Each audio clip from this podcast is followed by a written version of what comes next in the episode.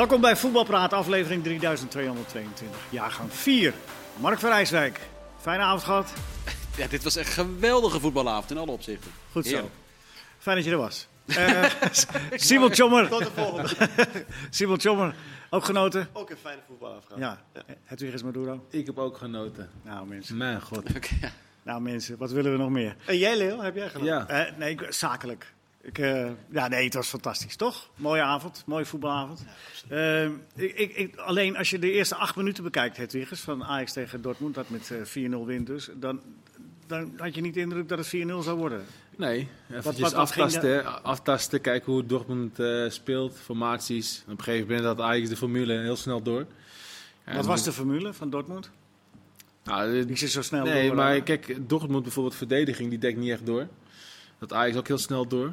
Eh, Dat wisten ze al van tevoren. Dat ja, wisten ze van doen. tevoren, maar toch. Dus eh, dat het zo duidelijk werd, zeg maar. Ja, dan kan Ajax gewoon goed voetballen. Tussen de linies, stadions kwam altijd vrij. Ehm Berghuis was geweldig. Ehm één tegen één ruimtes maken voor Anthony bijvoorbeeld. Dus er was heel veel dynamiek. Eigenlijk 90 minuten lang. En eh, dat heeft Ajax gewoon fantastisch gedaan. En, en ook mooie goals gescoord. Heel veel kansen gemist. 4-0 4-0 niet geflatteerd. winnen.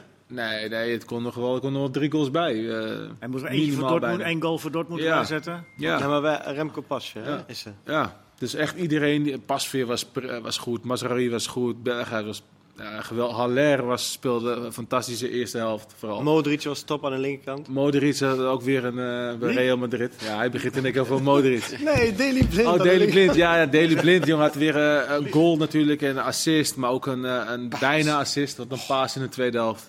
Eh, Laat even wat over de ander ook. Hè. Het Ja, en, Ben je- ja. ben- ja, dat, is het voordeel. Dat is het leuke van deze avond. Het, het Wiegers kan vijf spelers noemen die fantastisch waren. En dan komen Simon en ik vrolijk met nog vijf anderen. Ik heb Ja. de cijfers net van Freek Jans gezien in Voetbal International. Die heeft iedereen een 9 gegeven.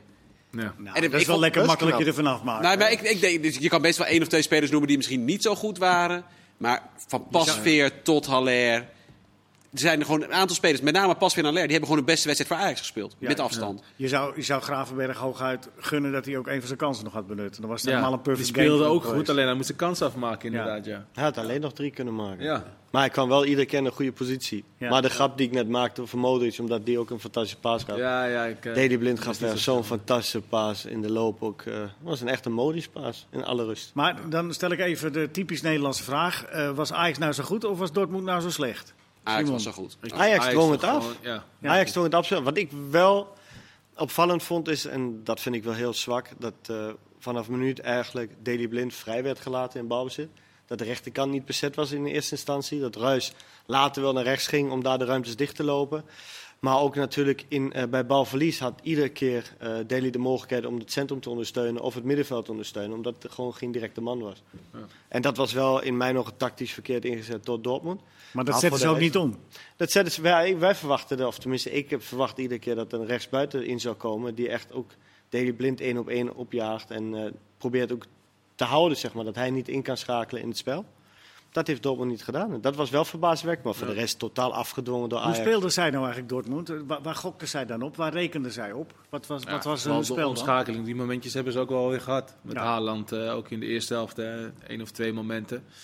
Eh, dat, je, dat ze wel doorheen komen. Die zijn onvermijdelijk, hè? Dat is ja, een maar moment d- dan heeft. kom je ook weer altijd weer bij eh, de restverdediging van Ajax. Wat normaal afgelopen jaren altijd een beetje een probleem was. Maar nu met Martinez en Alvarez vooral op het middenveld. Die is zo belangrijk daarin. En daarin zie je dat Ajax een, eh, enorm veel grote stappen heeft genomen. Dat ze ook Europees dat eh, nu aankunnen. En dat is de verdienste van de trainers, maar ook vooral natuurlijk van de spelers. Met Alvarez en Martinez die continu de balans bewaken. Dus ja, je hebt misschien nu in Europa even nu misschien twee kansjes weggegeven. Vanuit de omschakeling. En voorheen waren er de zeven, bij wijze van spreken. Ja. Eh, dus dat is wel een echt een proces wat, wat, waar Ajax beter in is geworden. Maar ook Gravenberg en Berghuis. En dat is denk ik wel benoemenswaard dat Berghuis ook hier de rol overneemt in defensief hard werk. Want als je Ja, eerlijk bent, het ja. uitvoetballen van achteruit voor Dortmund was haast niet mogelijk. Omdat daar ook meteen de druk bovenop staat. Ja. Dat was ook knap om te zien. Krijg je dan, eh, jullie zijn voetballers eh, geweest op niveau, krijg je dan op een gegeven moment als je zo, tegen zo'n tegenstander speelt een moedeloos gevoel over je van, nou ja, gaat er niet in zitten vandaag, ze zitten er zo fel bovenop. Ja, je zag dat- zelfs, dat is Dortmund in ieder bedoel je? geval- Ja, Ja, dat is in ieder geval wat je, een beetje kreeg, de Tuurlijk, indruk dat kreeg van je. Dortmund. Dat voel je je. zag zelfs makkelijke, makkelijke fouten bij Dortmund. Ja. Aannames die verkeerd gingen, inspeelballen die onzuiver waren. Ik vond ook zelfs, moet ik eerlijk zeggen, Emre Can die erin kwam, wat, wat lusteloos invallen als halve linksback. En ook niet echt een gelukkige indruk. Het maken. doelpunt van Haller bijvoorbeeld, die kopbal, eh, dat werd niet werd niet Bijvoorbeeld, nauwelijks maar ook van. Anthony, ook Ja. kansloos. Ja. Publiek natuurlijk die erachter gaat staan. Ook energie. En eh Ajax bleef volgaan. Dus ja, als je het eh, op een gegeven moment vier goals tegen hebt. En, eh, hoeveelste minuut was het eigenlijk? De vierde goal. Nou, je moet nog 20 minuten Vierde goal spelen. was in de 72e minuut. Ja, dan moet je nog 20 minuten spelen. En 4-0 hoor je olé olé in het stadion. En eh Ajax is vol te jagen. Daar ben je er misschien wel klaar mee. Het mag natuurlijk niet gebeuren. Maar ja, het gebeurt. Het is Goed, menselijk. dat is bij 4-0. Maar, wij- maar Ja. wij, wij zeiden nog wel tegen elkaar in de eerste helft. van, Nou, 2-0, dat doen ze zich eigenlijk tekort. En Ja. eh, dat kan nog lastig worden, de tweede helft. was ook zo'n moment dat eh pas weer heel belangrijk was. Op het moment dat Haaland... eh, Geweldige redding. Tegen, Ja. Ook fijn voor hem na de laatste wedstrijd in de Champions League natuurlijk, waar hij de fout maakte in de korthoek. En dan nu dit wel Ja. tegen Haaland een belangrijke redding. Speelde sowieso ook een, ja, oké, negen vind ik wel heel veel voor iedere speler. Ja. Maar ik vind het terecht dat, eh, dat hier duidelijk ook aangegeven wordt dat, dat eh, Remco een goede partij. Ook voor hem lekker natuurlijk nu dat Maat is weggevallen, dat hij wel weet dat hij presteert. En ook Onana natuurlijk, de vraagteken had is wat gebeurt ermee. Dat hij ook laat zien, jullie kunnen ook in de Champions League op mij bouwen. Ja. ja, in ieder Ja, geval maar in. Europa maken ze wel een statement Ajax. Hè, met zoveel goals. In Drie wedstrijden. Hoeveel? Elf goals nu?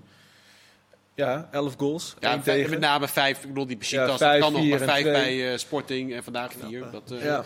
Ja, en Haller kan ook in de tien Champions goals League goed spelen. Hè? nee, met Besiktas erbij dan. Ja. Haller speelt ook goed in de Champions League. Dus dat niveau heeft hij ook. Ja, ja. En weet je wat ik mij weet het niet meest wie verbaasde eh, vertelt dat het die niet eh Ik geloof dat, dat, dat we dat vorige keer ook al gezegd hebben. Wat mij nog het meest verbaasde van Dortmund. Ik was bij Heerenveen Ajax, eerste helft. Eh, en qua tempo en intensiteit leek dat nog wel een beetje op wat ze vandaag deden. Ik vond nog wel dat ze meer ruimte weggaven dan ze vandaag deden. Maar misschien had het ook met Alvarez te maken die er toen niet bij was. Maar toen zag je al, Blind, die was fantastisch. Die geeft ook de paas waaruit het de 1-0 van uh, Aller komt op uh, Tadic tegen Heerenveen. Dortmund heeft die wedstrijd gezien. Echt bijna alles begon bij Blind. Blind was, is best moeilijk aan, moeizaam aan het seizoen begonnen. Uh, ook in het Nederlands elftal was het echt niet allemaal even top. Je ziet hem gewoon met de week weer beter worden.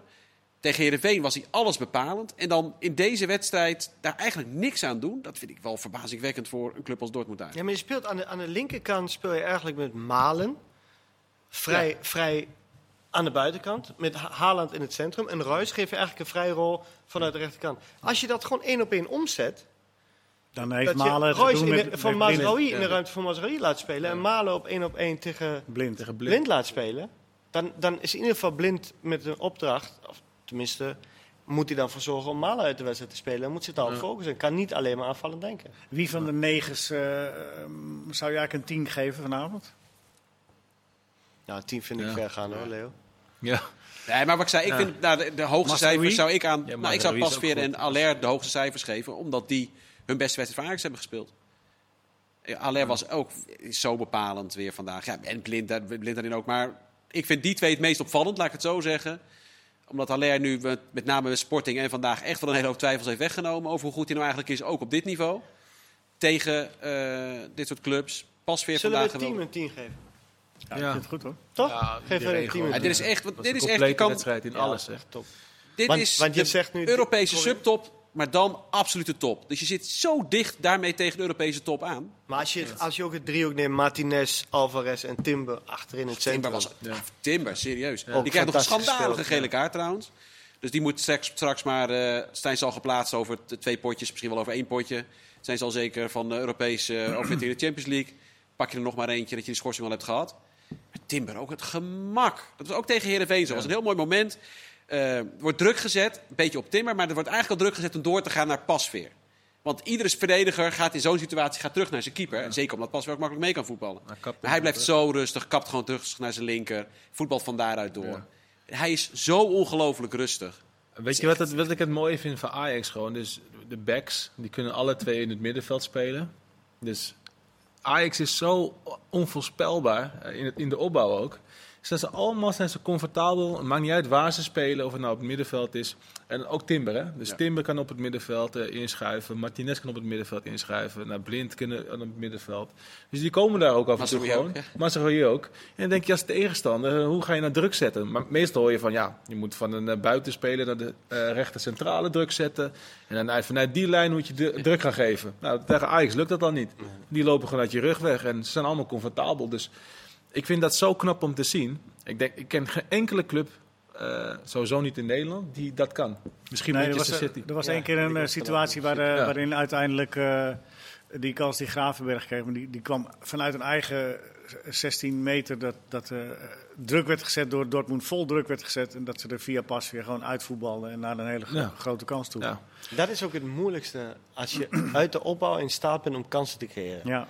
Kijk, uit omschakelmomenten gebeurde heel veel. Er zijn ook heel veel. Neem Real Madrid de laatste tien jaar zijn echt dodelijk geweest uit omschakelmomenten, balverliesmomenten van de tegenstander. Maar uit je eigen opbouw, wanneer de tegenstander georganiseerd Gebeurt maar zelden, hè? dan iets Ja. te creëren. En dat Ja. heeft, heeft Ajax vandaag laten zien. Ja, het is een lofzang vandaag voor Ajax, Ja. maar Ja, wel dit- terecht. Dit, Absoluut wat ik terecht. zeg, dit is... Een paar cruciale Zo. momentjes die je altijd in een wedstrijd hebt. Hè? De- Ja. Zeg maar de wat aarzelende beginfase en de cruciale redding die eh, Pasveer voor rust doet. En dat die bal nog even van richting werd veranderd. Die, die dan, eh, ook een schot van Ja. Haaland. En na rust dan die, die bal die die tegen de lat aanduwt. Dat zijn dan de cruciale momenten die dan even eh, mee moeten zitten. Maar verder heeft Ajax nauwelijks eh, zeg maar, een zwakke periode in de wedstrijd gehad. Eigenlijk niet. Dat is ook nog knap, hè? Want ik bedoel, Ja. normaal is het toch dat je over 90 minuten tegen zo'n sterke tegenstander... Dan zou je verwachten, daar krijg je ook je moeilijke periodes. Dat is ook niet geweest. Nee, is niet geweest. nee. Berghuis, een van de grote winnaars, heeft toch natuurlijk amper genoemd, ook in die rol weer. Want dat, Maar de grote winnaars, in welk opzicht bedoel je dat, Mark? nou ja, omdat dat de grote discussie Heeft hij was. nu gewonnen van Klaassen, bedoel je dat? Nou, hij heeft bewezen dat hij het kan op dit niveau. En dat was Dat had hij natuurlijk... toch al? Eh, nou ja, de vraag, de, de avond naar dit duel. Ik heb gekeken. Wij hadden op ESPN hadden we een poll. Telegraaf en Vier. Allemaal precies dezelfde poll. Wie moet er nou eigenlijk op 10? En eigenlijk al die eh, statistieken kwam eigenlijk Klaas toch wel naar voren als... Die heeft toch eigenlijk het liefst daar. Ja. Ajax supporters. Ja. Nou ja, ik denk dat dat nu wel aan het omslaan is. Dat Berghuis dus heeft laten zien dat hij dit kan op dit niveau. Of Nog dat maar de grote winst is dat ze het allebei kunnen. Ja, natuurlijk. Je gaat toch niet Klaassen ineens devalueren Nee. omdat Berghuis een goede Ik, wedstrijd zou niet, speelt? maar ik, devalueer, ik zeg Nee, niks maar over. ja. Ik devalueer Klaas ook niet. Ik, ik, ik, ik, Nou zeg ja. wat over Berghuis. Ja, Ik zeg Berghuis bewijst dat hij het kan. ik proefde een beetje een ondertoontje. Ja, maar ik denk, Ja, dat, ik denk, door de, ik denk de prestatie van, van Berghuis nu ook een duel gaat ontstaan tussen Gravenberg en Klaassen. Ja. Maar die positie kan Klaas ook invullen. Ja. Ik, en ik ga wel een beetje tegen in, want ik denk wel dat Berghuis een absolute statement gemaakt heeft nu op die positie. Niet alleen eh, bij Ajax, maar ook in het Nederlands elftal. Dat hij in staat is op die positie fantastisch uit de voeten te kunnen. En ik had het niet verwacht dat het zo goed eh, nou ja, zal functioneren. En hij heeft vandaag ook, wat ik ook zeg, niet alleen... Kijk, dat Steven kan voetballen ook aan de bal, dat weet iedereen. Maar ook hoe hij defensief werk verricht heeft tegen een hele sterke Ja. tegenstander vandaag uit die positie. Maar wat je eigenlijk dus al een beetje is, dacht, een goede voetballer met goede voetballers zetten, dat, dat gaat Dat gewoon. komt hier uit, ja. Ja. Ja. Ja, en hij, en hij bewijst dus inderdaad dat hij van eh, concurrentie beter wordt. En niet dan iets heeft van, oeh, wacht even, ik moet op een andere positie. En Anthony, oeh, Anthony staat daar, die is ook wel heel goed. Dus dat kan tricky worden. Nou, hij schakelt er vier tandjes bij. Ja, maar Dat Anthony speelt hij niet uit de basis nu, hoor. Nee, dat, die, die, was, die was ook wel aardig. Nee, een aantal eh, namen staan. eh, Maar heeft, hij dan, heeft hij dan nu wel Klaas uit de basis gespeeld? Is dat dan wat Ja, dat jullie denk ik wel. Dat denk ik wel. Ja? Ja, Terwijl Ik denk- A, ja maar zo gaat het, hè? Je bent zo goed Oh. als je laatste wedstrijd. En Berghuis is nu gewoon beter. Zo simpel is het. Oké. Alvarez- dus Klaas Alvarez- heeft, Klaas luister, heeft nou, nul Alvarez- krediet opgebouwd. Jawel, maar krediet, eh, je stelt je, je beste elf op. Zo simpel is het. Ja. En lijkt me zeker dat hij tegen PSV opeens Klaas op gaat stellen. Kijk, Kijk, of juist je wel doet, omdat eh, hebt- de nou, energie dat- in die wedstrijd ja, gegooid wordt. Dat, dat denk ik niet, maar eh Alvarez speelt altijd. Zo simpel is het. Graag En dan kan je inderdaad Gravenberg, die misschien... nou, eh, Die, wel, die ongelukkig was vandaag. ja, die ook een goede ongelukkig, maar speelde, is, die speelt ook gewoon goed. Ja, dan ga je die toch ook niet wisselen. En Berghuis bewijst het nu al de wedstrijden achter elkaar. Dus ja, dan, eh, en vandaag helemaal. Dan zit Klaassen er gewoon op de bank. En dan gaat Klaassen wel zijn minuten maken. Maar in Ja. dit soort topwedstrijden kiest hij dus ook voor Berghuis. En dat is wel vervelend voor Klaassen. Want dan had hij waarschijnlijk het gevoel Nou, van... Goed, het kan best een is keer... jullie niet een beetje voorbarig? Hij vandaag voor Berghuis gekozen. Tegen Dortmund. Maar tegen PSV is weer een ander verhaal. Dat is toch een luxe Dat positie? kan, maar er is geen enkele reden om nu Berghuis het op de bank te zetten. Want dan moet Anthony gaat hij niet op de bank zetten. Dat zou heel raar zijn. Dus dan zou hij Berghuis nu op de bank zetten. Dat zou echt heel vreemd zijn. Nou, misschien dat hij meer lopen wil hebben tegen We PSV. zullen het zien, maar ik durf er wel wat op te zetten dat eh, Berghuis speelt. Erik? Neem een wijze beslissing. ja, deze man Maar is ben jij niet... dan, eh, proef ik een beetje dat jij een Klaassen-fan bent? Nou, ik vind, nou, ik vind misschien is dat eh, romantisch gedacht, maar ik vind wel dat iemand die zo goed speelt, zo, eh, zo belangrijk is, altijd, dat je dan niet zo, omdat dan een ander een keer daar op die positie goed speelt, Nou, dat is dan... niet een eh, keer, dat je dan- hè? Dat is het dus juist. Het is niet hij vandaag, keer, hè? hij heeft ook tot jullie, maar- jullie hadden, maar wacht even, jullie hadden hem ook niet in de basis gezet, Berghuis. Dan doet hij Nee. het vandaag goed. Nee, hij wel- toch ook goed tegen Sporting? Maar, maar nee, maar het gaat er even om. De eerste wedstrijd Mark, in de Mark, Champions die- League. Mark die zegt net zelf ook, eh, ik heb, hem, eh, ook niemand had hem in de pols in de basis eh, staan, Berghuis. Nou, Toch? Gelukkig ben ik geen Pol. Ik had Ja. er wel in de basis staan. Ja, dat is niet te bewijzen meer. Dat is Ja, maar kijk, Nee, maar weet, je wat, het is wel weet je wat zo. ook een mooi feit is? Kijk, we hebben het over de eerste elf nu. ja. Er zijn natuurlijk bij Ajax spelers, meer dan elf spelers die Ja. kunnen spelen. Ja, nou, dat- punt. ja, nou, dat is bij Klaassen van. Maar wat je ook bijvoorbeeld als voordeel hebt bij Klaassen nog, is dat je bijvoorbeeld ook extra energie erin kan brengen in wedstrijden, in Is grote Klaas een goede invaller? Dat denk ik wel, want hij heeft één ding, en dat heeft Steven absoluut niet. De absolute diepgang over de spits heen. Dat is een kwaliteit van Klaassen, van David, die, die Berghuis niet zo heeft. Dus je kan ook nog, eh, om forcerend gedrag te creëren, kan je ook nog een speler als David eerder inbrengen dan Steven. Steven is beter aan de bal. Ja. Als je balbezit speelt op de helft van de tegenstander. Dus dat he- helpt ook nog mee om ervoor te kunnen kiezen. Eh, Ook in topwedstrijden, zoals jij suggereert met PSV. Zeg, nou, dan start ik toch met Berghuis. En dan kan ik altijd nog een tandje bijschakelen, ook in de diepte en het loopvermogen, met een, met een Klaas. Nou, ik ben het wel met je eens dat Ajax meerdere opties heeft. Maar als je kijkt naar wat nu een serieuze discussie is, is dat alleen Klaassen. Want op elke andere positie eh, is, er geen enkele, is er geen alternatief waar je denkt, nee, dat Tagliafico is geen serieus Ja, maar ik haal het duel, ik haal het duel Dus gaaf er is maar één serieus, ja precies, maar er is Ik maar één dat- serieuze dat- discussie eigenlijk bij. Ajax en dat is Klaassen Berghuis. Nou, ik of denk Klaassen dat, je, ik denk dat je iets te resoluut bent. Nou, wat is op dit moment, op dit moment zeg ik, hè? Ja. Rens, Mazraoui is echt geen discussie op dit moment. Centrum is geen discussie. Eh Alvarez is geen discussie. Anthony, Aller en Tadic zijn geen discussie. En, en op dit moment is Gorter Pas weer ook geen discussie. Maar Dus goed, dan hebben we het over moment- de wedstrijden waar het kwaad om gaat. Nee, toch? Dames en heren, bent we het zijn er klaar. niet mee eens, We zijn iets eerder- klaar dan gedacht. Stuur hem eh, dan gewoon Nee, maar weg. zei ik wil graag nog voor Stuur hem dan gewoon weg. Leo. Als je het niet mee eens bent. Ja, ik ben er even stil van. Ja, maar het is toch, ja. praat ik nou onzin? Er is toch, er is toch op maar één... Maar morgen is alles weer anders, hè? Zo is het bij voetbal. Ja, maar ja, ja kan. Nee, maar goed, je hebt het over deze momentopname. Precies, ja, nee, we hebben het over nu. Ja, ja, eens. Eh, maar heeft, eh, jullie zeiden het net al een beetje. eh, de- heeft Ajax nu tegen een topploeg gespeeld of tegen een, subtop in Europees verband? Subtop, Het zou ik is- zeggen. Ja, je zou zeggen subtop, hè. Ja? Ja, subtop met topspelers. Simon? Met een, ja, een topspeler. Haaland is echt een wereldtop, vind ik.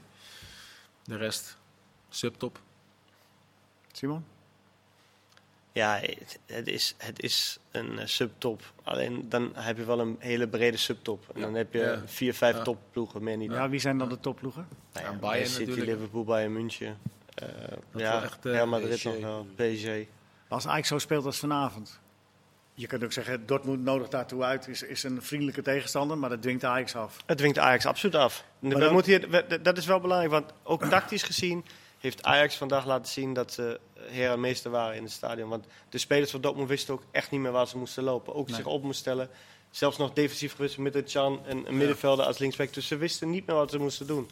Nee. Ook op tactisch gebied. Dus, eh, Ja, maar nee, dat, is, dat, vind ik, dus het mooie, dat vind ik dus het mooie van Ajax. Dus tegenstanders analyseren Ajax ook. Dus die komen met een plan. We, we gaan Ajax onder druk zetten of juist niet. Maar Ajax kan er altijd onderuit voetballen met deze eh, spelers. Dus ehm, het maakt niet uit hoe de tegenstander speelt. Ajax kan er toch wel, heeft toch altijd wel de oplossing. En dat eh, herkennen ze heel snel. Met blind eh, denk ik voorop. En Ten Hag natuurlijk ook eh, sturend langs de lijn. Maar het is echt goed om te zien dat een, een Nederlandse topploeg in staat is om gewoon op tactisch vlak andere subtoppers of misschien zelfs ook wel gewoon wereldtopploegen tactisch te overklassen. Het enige wat veranderde in het spel was... in de eerste 12 minuten was Ajax reactief. Uit de counter. Ja. Hadden natuurlijk twee hele grote kansen dat niet wegnemen.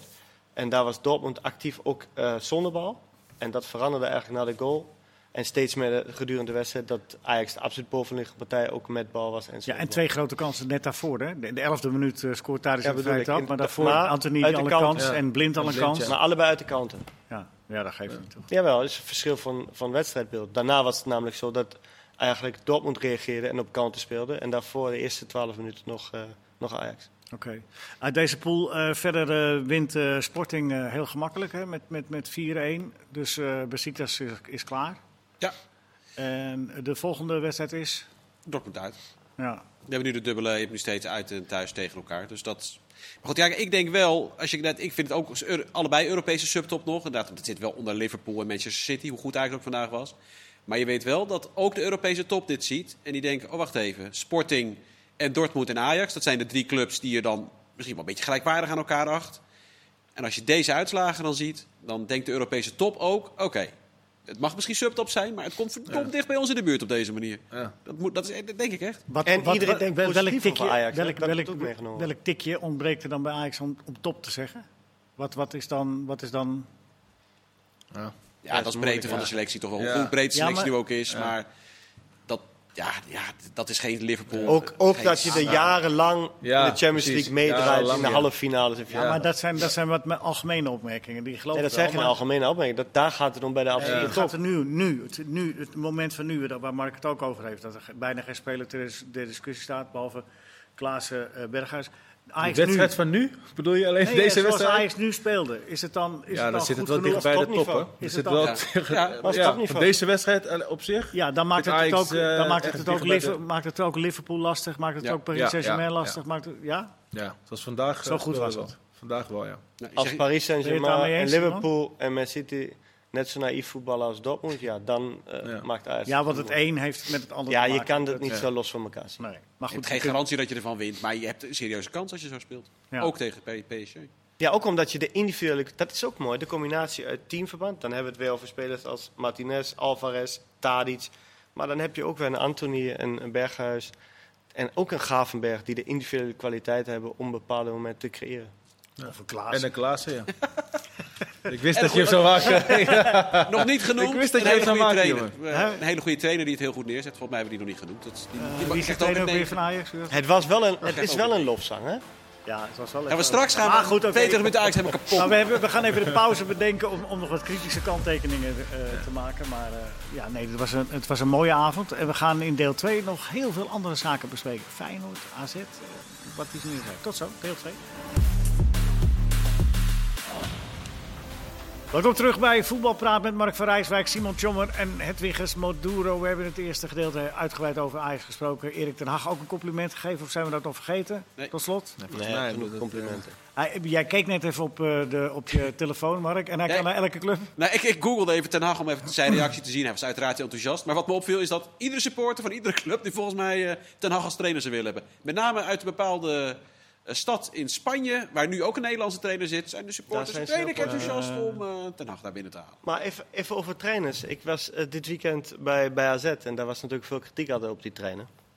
Op Pascal Jansen, dat hij natuurlijk met een gehavend ploeg eh, moet spelen. Maar als je nu kijkt wat hij ook weer met deze ploeg over dominantie gesproken ook tegen Utrecht op het veld kon leggen. Het was niet zoals Ajax vandaag, maar ook daar.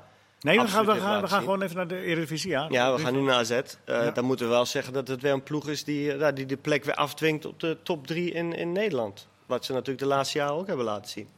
Dus Ja. Als je eerlijk kijkt naar AZ. De laatste Mag je, dat al, mag je dat al concluderen na twee goede wedstrijden? eh, tenminste, overtuigende wedstrijden? Nou, als ze zo spelen als dit weekend tegen Utrecht, nou, dan sluiten ze weer bovenaan. En, Maar moet je dat niet over een periode van een wedstrijd of tien laten zien, Hedwiggers? Ja. Voor je Ja. dat kunt ja, zeggen? ze zijn wel beter. Ze, zijn, ze hebben de stijgende lijn te pakken in ieder geval. En de Ja. afgelopen wedstrijd was wel echt heel goed. Dus als ze het niveau vasthouden, ja, dan eh, gaan ze sowieso weer klimmen. Maar ja, ik ben het wel eens met jou dat ze dus eventjes een langere periode constant moeten zijn. Eh, ja, dan eh tekent dat ook voor de club. En dan horen ze natuurlijk bij de bovenste vijf plekken. Ja, dat is bij de bovenste vijf plekken. Maar daar eindigen ze sowieso. Dat hebben ze de laatste jaren altijd laten zien dat ze. Nou, AZ misschien wel ook meer, hè? diegene. Ja, maar is het niet ook de ploeg die, die de, de concurrentiestrijd aan is gegaan, of misschien al gewonnen heeft van Feyenoord met, eh, met betrekking tot de top drie positie? Ja? Ja, Voorbij dat- gaan? Nou, eigenlijk niet dus. Ik heb, ik, heb, ik heb daar gekeken, maar als je kijkt naar de top drie posities van AZ... sinds ze kampioen zijn geworden, dat is 2009... eh, zijn ze drie keer derde geworden. En één keer dan soort van tweede. Maar goed, dat seizoen is niet afgemaakt. Eh, toen stonden ze wel tweede. Iedereen zegt ze waren ook makkelijk tweede geworden. Maar het verschil met Feyenoord was zes punten. Met nog negen wedstrijden te gaan. Dus officieel zijn ze drie keer derde geworden in al die seizoenen. Feyenoord eh, is zes keer bij de eerste drie geëindigd in die seizoenen. Dan praat je over een periode van iets meer dan tien jaar. Ja, Je hebt het gevoel dat ze Feyenoord al voorbij zijn qua prestaties. Maar als je dat, ook de punten naast elkaar legt over de laatste tien jaar, is dat gewoon niet zo. Heeft Feyenoord gemiddeld meer, seizoenen, eh, meer punten behaald dan AZ. En dan hoef je het over PSV en Ajax niet eens te hebben. Die staan mijlenver voor. Heb je het over de laatste tien jaar of Laatste vijf jaar, Ja, en de laatste vijf jaar? De laatste dan vijf jaar ook. wel. Zit iets dichter bij elkaar. Maar heeft Feyenoord ook meer punten gehaald, gemiddeld, dan AZ. Reken ik dat eh, coronaseizoen niet mee. Ehm, maar goed, ook daar dat scheelde maar zes punten. Dus dat is niet, je had het gevoel dat AZ een straatlengte voor stond. Dat viel op zich nog wel mee. Ehm, dus A- AZ Wil is wel aan het groeien. top- dus AZ wil graag bij de top drie. En dat gevoel hebben we eigenlijk ook. Ja, maar je, hebt, Alleen dat is, dat is, je, je- creëert als het ware een top 4 van een, vanuit een top 3. Maar als je heel reëel kijkt, is er alleen nog gewoon een top 2. Want PSV en Ajax, die eindigen elk seizoen in de top 2.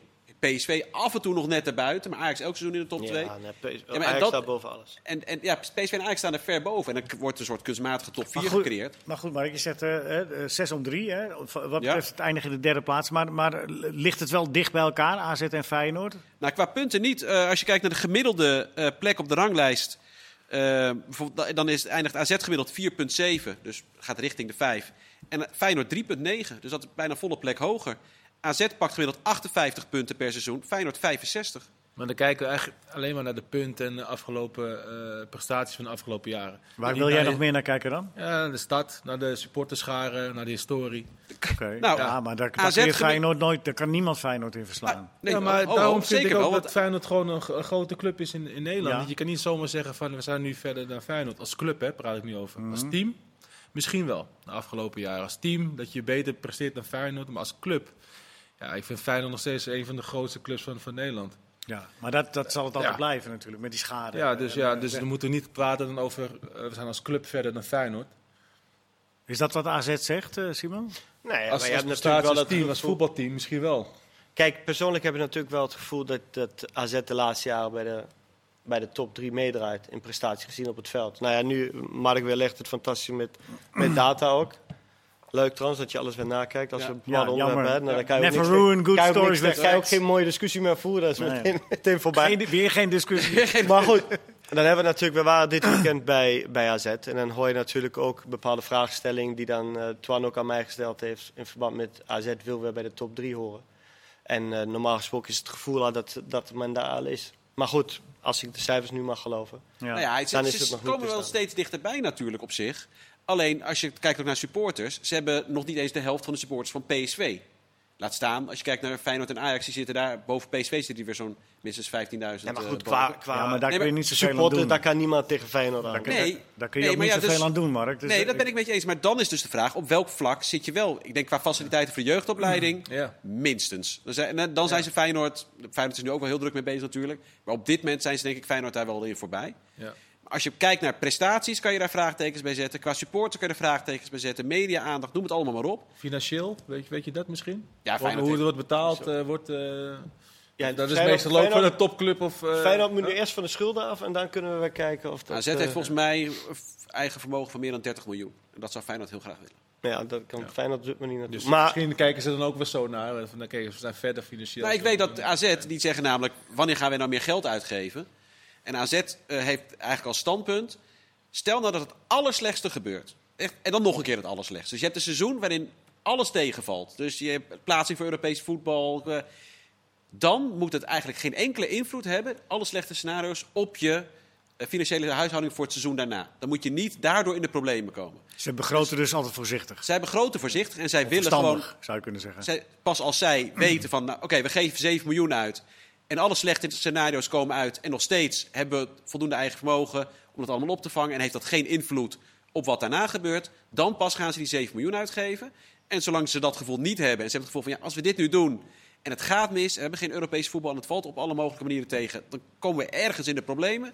Dan doen ze dat dus niet. En dan Moet je, moet je niet, eh, Simon, moet je, om dat stapje te zetten, hè, dat, dat, dat stapje naar die absolute, eh, zeg maar, wat ze echt graag willen. Dan, want ik vind het mooi dat AZ die ambitie heeft en al jaren heeft en een gezonde club is. Maar moet je dan niet af en toe toch een beetje een, een risicootje nemen? nee, daar ben ik het niet mee eens. Financieel bedoel je? Dat is maar een vraag, hè? Nee, financieel vind ik dat AZ het fantastisch doet. En ik denk wat nu bewezen is aan, aan, eh, aan de data, is dat ze vooral moeten zorgen dat ze de komende vijf jaar ook boven Feyenoord eindigen. Dus dat ze daar een duidelijk hoe stap doe je dat maken. dan? Als je, dat, Ja, gewoon derde eindigen en Feyenoord op de vierde ja, plek maar laten. gewoon derde eindigen. Ja. Ja, nee, maar daar, daar ligt het wel aan. En als maar dan hoeven ze geen andere stappen meer te zetten. Dan moeten, kunnen ze dat met dit materiaal al het weer Nou ja, ze hebben dit jaar natuurlijk heel veel verkocht. Vijf Zeker. spelers. Wat, Ja, wat ja. absoluut relevant is dat we het jaar daarvoor corona hadden. En dat er gewoon heel veel problemen waren met verkoop. Normaal was het ingedeeld op twee, op drie spelers. En nu in één klap zoveel spelers. Dat was natuurlijk niet te voorzien. En daarom zeg ik ook, daarom vond ik het opvallend positief hoe ze nu tegen Utrecht, tegen een club die ook bij de top 5 mee wil doen. Ja. eh, toch duidelijk hebben laten zien, ook met twee makkelijke goals aan het begin, dat ze daar eh, ook heer en meester zoals vanavond Ajax op het veld kunnen zijn. En dat moeten ze de komende vijf jaar nog afdwingen om dan uiteindelijk op de ranglijst en qua punten eh, boven Feyenoord te Ze eindigen. moeten gewoon Dus- vijf jaar structureel boven Feyenoord eindigen. En dat hebben ze de afgelopen vijf jaar niet gedaan. Nee, dus eigenlijk zeg je van AZ moet op deze weg eh, doorbouwen en een beetje Ja. geduldig blijven. Ja, dat en, en wel. niet, eh, Dat zeker, want AZ is wel groeiende, vooral in de jeugdopleiding. Als je ziet nu ook qua resultaten hè, eh, van jeugdteams. En die winnen eigenlijk al van, de, van, ook van Ajax en eh, heel en, vaak en van jong Ajax AZ en dit jaar. Ja, jong AZ die het ook heel goed doet inderdaad. Dus Goede trainer trouwens ook. ja, dus de, club is wel enorm groeiende. Maar nee, misschien heeft het nog Martens, iets langer ja. tijd, tijd nodig. Maarten Martens, ja. Ja, Ja, die ken ik jij. weet- Zo ja, intelligent. Ja, Ja. Maar intelligentie is... Ja, ja, ja, ja, ik weet wie het is. Ja. Ik heb nog met een gevoetbald hebben Pauk, dus goede Ja. gast. Ja, ik ging hem kennen zitten, hem hij ging spelen. ik, heb, gezeten en hij mocht spelen. Oh ja, ja. ja Ja, want hoe zat dat toen? Wat zei je? Nee, wij waren allebei voor de nummer 10 positie natuurlijk Ja, ja. toen gehaald bij AZ. Nou ja, ik was na twee jaar weg en Maat heeft volgens mij zes jaar gespeeld. Dus dat is ook duidelijk. Ja. Zeg je, nu, zeg je nu met een glimlach. Punt. Ja. toen niet, toen niet. Maar nu wel. Nee. Maar goed, eh, eh, eh, resumerend, AZ eh ga zo door. En, bij- en mijn- Ja, met de jeugdopleiding heb je dus wel de toekomst daarmee. Ik, ik vroeg het aan, aan, aan jou. Jij zegt nee, dat moet AZ niet doen, dat Nee. risico nemen. Zeg jij, als, als AZ ambitie heeft, moet af en toe een risicootje nemen? Nee, Nee? ook niet. Ik ben het eens met, eh met Want dan, dan, dan blijven ze wel altijd in deze categorie dus eh, veelbelovende spelers halen. Ja, ze, ook over- op de jeugdopleiding, eh, ze moeten proberen die, die talenten vast te houden. ja. Dat vooral. En je ziet nog steeds de afgelopen jaren dat, dat eh, toptalenten weg worden gehaald. Hè? Op een gegeven moment. Ja. Of nu al, in de, je- in de In jeugd. de jeugd, in de jeugd. Nou, misschien mochten ze daar wel een risico in nemen trouwens. Ja. Bij de jeugdspelers. De jeugd. Dat ze die wel contracten geven. Vasthouden. bijvoorbeeld de topclubs... Sorry? Ze geven jongens van 16, 17 nu ook al. Ja, maar niet de contracten die een topclub geeft. Zoals Ajax bijvoorbeeld. Of, of neem Borussia Dortmund als voorbeeld. Dat die twee vanaf tegen elkaar gespeeld hebben. Die bedragen betaalt AZ niet in jeugd. Wat krijgen die jongens bij Ajax en zo dan al? Wat voor bedrag moet je Nou, dan ik denk denken? wel veel meer dan eh bij AZ Dat geval, is heel goed. Hè? Nou, Ja, ik denk wel in ieder geval een verdubbelaartje. Ja. Verdubbelaar. Misschien Dus wel, daar, eh, als je het zegt, daar, investeer daar meer in. En geef daar misschien een, een, eh, hoger contract, ja. Dat je ze langer bij je houdt. Ja, Zo heeft Ajax het gedaan. Hè? Ajax is wel met een bepaald risico meer salaris gaan betalen. Daardoor konden ze een ander soort spelers halen. Dat is wel met een risico. Want als Ja, dat is op het hoogste niveau. Op maar het hoogste niveau, ja. Maar dat begon dus met salaris. En dat was een bepaald risico. Want als Ajax dan Champions League een paar seizoenen op rij niet had gehaald, hadden ze echt een probleem gehad. Maar dat haalden ze en toen, hè, nu zijn ze waar ze zijn. Maar dat begint met salaris. En daar is, daar is voor Ajax als het ware ook de eerste stap gezet. Dat ze op een gegeven moment het salarisplafond hebben doorbroken. En dat zou voor AZ dus op een ander niveau gelden bij jeugdspelers. Oké. Mark, de trainer van Venezia, Paolo Zanetti. Nee, we hebben het over de Nederlandse competitie. Ja, een bruggetje, ja prima. Ja, ja, nee, maar goed. En die zegt van, ja, Haps, eh, die, want die speelt daar, die zegt van, ja, die komt uit een competitie waar tactiek eh, niet zo belangrijk is. Wat Ja, bedoelde hij daar Ik las precies het. mee? Nou ja, eh, dat hij Haps het eigenlijk wel prima doet. Want die had het ook goed gedaan bij zijn debuut. Ehm, maar ik vond het wel een vrij pijnlijke constatering dat Haps nog heel veel te leren heeft. Want hij, in de eredivisie zijn we eigenlijk niet met tactiek bezig. Al dus de trainer van Venetia. Heeft hij daar gelijk in? Eh, nou, ik, vond, ik denk Simon kan het denk ik nog beter beoordelen dan ik. In dat opzicht dat hij natuurlijk veel spelers kent die in buitenlandse competities terechtkomen. En ik vroeg me echt af, staan we er zo slecht op dan in het buitenland? in defensieve tactische verhoudingen, ja. Kijk, dus de, Dat is wel best pijnlijk. de nee, helemaal niet. Dat, ik denk dat het juist positief is voor ons. Het virus kan er ook veel over zeggen als trainer zijn en nu. En ook als natuurlijk ervaringsdeskundige als speler in het buitenland. Maar ik denk dat wij als Nederland bekend staan voor positief aanvallend voetbal. En tactisch vooral. De eerste intentie die wij hebben is balbezit. En als wij naar Italië kijken en ook naar Duitsland kijken, is de eerste intentie die een trainer heeft balverlies. Dus hoe stel ik me tactisch op? Hoe zorg ik ervoor dat ik bijvoorbeeld de bal verover, wat Dortmund vandaag wel bij, bij, eh, bij, bij Ajax. Hoe verover ik op de meest gevaarlijke plek de bal? Hoe ga ik daar druk zetten? Nou, daar gaan ze vanuit. Hoe ga ik dan eh, compact staan? Dat is de eerste. En in Italië, ik heb een klein voorbeeld. eh, Milan Skriniar ging naar eh, Sampdoria Geen vanuit... onaardige verdediger. Ja, geen, geen slechte verdediger. Die heeft de eerste vier maanden niet gespeeld. En geen bal bijna gezien. Die moest alleen maar tactisch bewegen in het systeem van Sampdoria. Dat hij wist hoe hij moest bewegen Leren verdedigen. in de viermans. Maar leren verdedigen, tactische opzicht, defensief gezien. Kijk, in Italiaan wordt op, wordt, dat wil met de paplepel ingegooid, hoe ze defensief moeten spelen. Dus dat is de tactiek. Zie je dat ook Italië licht is. bijvoorbeeld? Ja, maar ik denk dat dat... dat eh, weet wel tegen hem Matthijs gezegd, wel hè? problemen Vergeet alles heeft. wat je bij Ajax hebt Ja. geleerd, verdedigen. Nu nu ga je pas leren verdedigen. En dat is in Italië is zo. En daarom is Hapsi ook een, een voorbeeld natuurlijk. Een aanvallende back. Dit is geen verdediger, het is een aanvallende back. Maar wat- En nu wordt hij verdediger. Wat is dan het verschil, eh Hedwiges? Heb jij dat als speler ook eh, zo ervaren? Dat je alles weg moet gooien wat je geleerd had? En, eh, Ja, het verdedigen wel. Maar wat dan? Dus- wat Nou, moest gewoon, wat wij trainen altijd in, Nederland met, met bal. Oh, ja. Nou, en in, in Spanje sp- trainde je zonder bal. Puur op het verdedigen, tactisch. Gewoon dan? zonder Dan bal. moet je gewoon heen en weer lopen. Ja, Ja. nou, Heb je dat in Nederland nooit gehad voordat je Nee. naar de... nooit. Altijd met bal. Maar hoe, hoe moet Alles je, is met bal. Maar Dus Hedwiges, ja. hoe moet je dan weten wat je doet als, als je niet weet waar de bal is? Wat, Het gaat om de afstanden Nee, maar het de gaat, het gaat erom vaak... eh, elf- dan is het 11 tegen 11. Dan speel je... eh, Zonder partij- bal. Nee, maar wacht even. dan In Nederland, hè? 11 tegen 11. En dan speel je dan met bal en dan zeg je van, nou, dit kan er gebeuren. En dat is vaak in Nederlandse trainingen. Nou, eh, eh, in Spanje werd er veel meer scenario play eh, gedaan. Nou, dan had bijvoorbeeld de trainer had de bal, die speelde dan een tegenstander na. Die zegt van, nou, Wiegers, ik ga jou nu voorbij. Wat gaat de rest doen? Want dat gaat morgen waarschijnlijk ook gebeuren. Je speelt tegen Messi. Die Hè? kan je Ik ga jou tien keer, eh, negen, eh, negen van de tien keer ga ik jou voorbij. Nou, dat is niet erg, want ik ben Leo Messi. Maar wat gaat de rest doen? Nou, dat heb ik nog nooit gehad in Nederland. Op zo, om zo na te denken van, oké, nou, die gaat dan uitstappen. Blijven wij staan. Oké, nou, volgende situatie. Is puur op het verdedigen bijvoorbeeld, een, een voorbeeld. Maar zo wordt totaal niet getraind in, eh, in Nederland. En Maar zoals Ajax eh, vandaag eh, ik denk Haaland uitschakelde? da- daar wil ik dus naartoe gaan. Er is wel ontwikkeling in. Dat zie je wel een beetje terug, ook in de sp- spelsystemen van, van Nederland. Dus voorheen was het altijd 4-3-3, daar hebben we het al honderd keer over gehad. Nou, nu zie je verschillende systemen al. Dus word je al uitgedaagd om andere dingen te, te gaan doen, ook in het verdedigen. Want als je altijd gewend bent om tegen drie aanvallers te, te spelen en te verdedigen, dan word je niet uitgedaagd. In één keer moet je nu tegen de twee, of in één keer moet je tegen eh, twee eh, spitsen spelen en, en tien erachter. Nou, dat, dat heb je niet zo vaak in Nederland. En dat is in het buitenland heel vaak. Maar wat moeten we in Nederland doen? Moeten we luisteren naar wat die trainer zegt uit Nou, het wel, ik heb, dat, Of- vind het wel, kijk, in de eredivisie eh, is die ontwikkeling wel gaande. Maar het is wel heel grappig om dat ook bij de jeugd te doen. Dus hoe leid je spelers op? Ehm, laat je ze altijd spelen tegen een 4-3 systeem. Nou, jij traint met de jeugd. Ja, daarom. Dus wat ik doe wil- jij? Bij de KNVB eh, leren we ook eh, verschillende eh, spelsystemen spelen. Maar ook kiezen we landen uit die anders spelen dan we gewend zijn. Ehm, laatst speelde tegen Noorwegen. 4-4, 1-1. Super verdedigend op de eigen helft. Die schoten alle ballen weg. En nou, vind maar een oplossing. In Nederland denken we alleen maar lekker opbouwen en lekker voetballen. Oh, waar zijn de ruimtes? Maar je hebt ook gewoon andere landen die totaal iets anders denken. Dus het is eh, goed om ze daar al in te ontwikkelen. Van, Maar je moet toch ook je eigen cultuur behouden? Of je eigen, je Natuurlijk, dat kan ook. Maar je moet ook weten dat, eh, dat er ook andere culturen zijn Ja. die ook tegen je spelen. Dus als jij in één keer. Maar je, kunt als ook jij, zeggen, je kunt ook zeggen, eh, ons systeem is zo sterk, dat, dat maakt niet uit. Dat kan, ja. Maar totdat je in Europa speelt en in Ja. één keer tegen een andere cultuur speelt, denk je van hé, hey, wat doen ze nou in godsnaam? Dat- Dit ben ik helemaal niet gewend.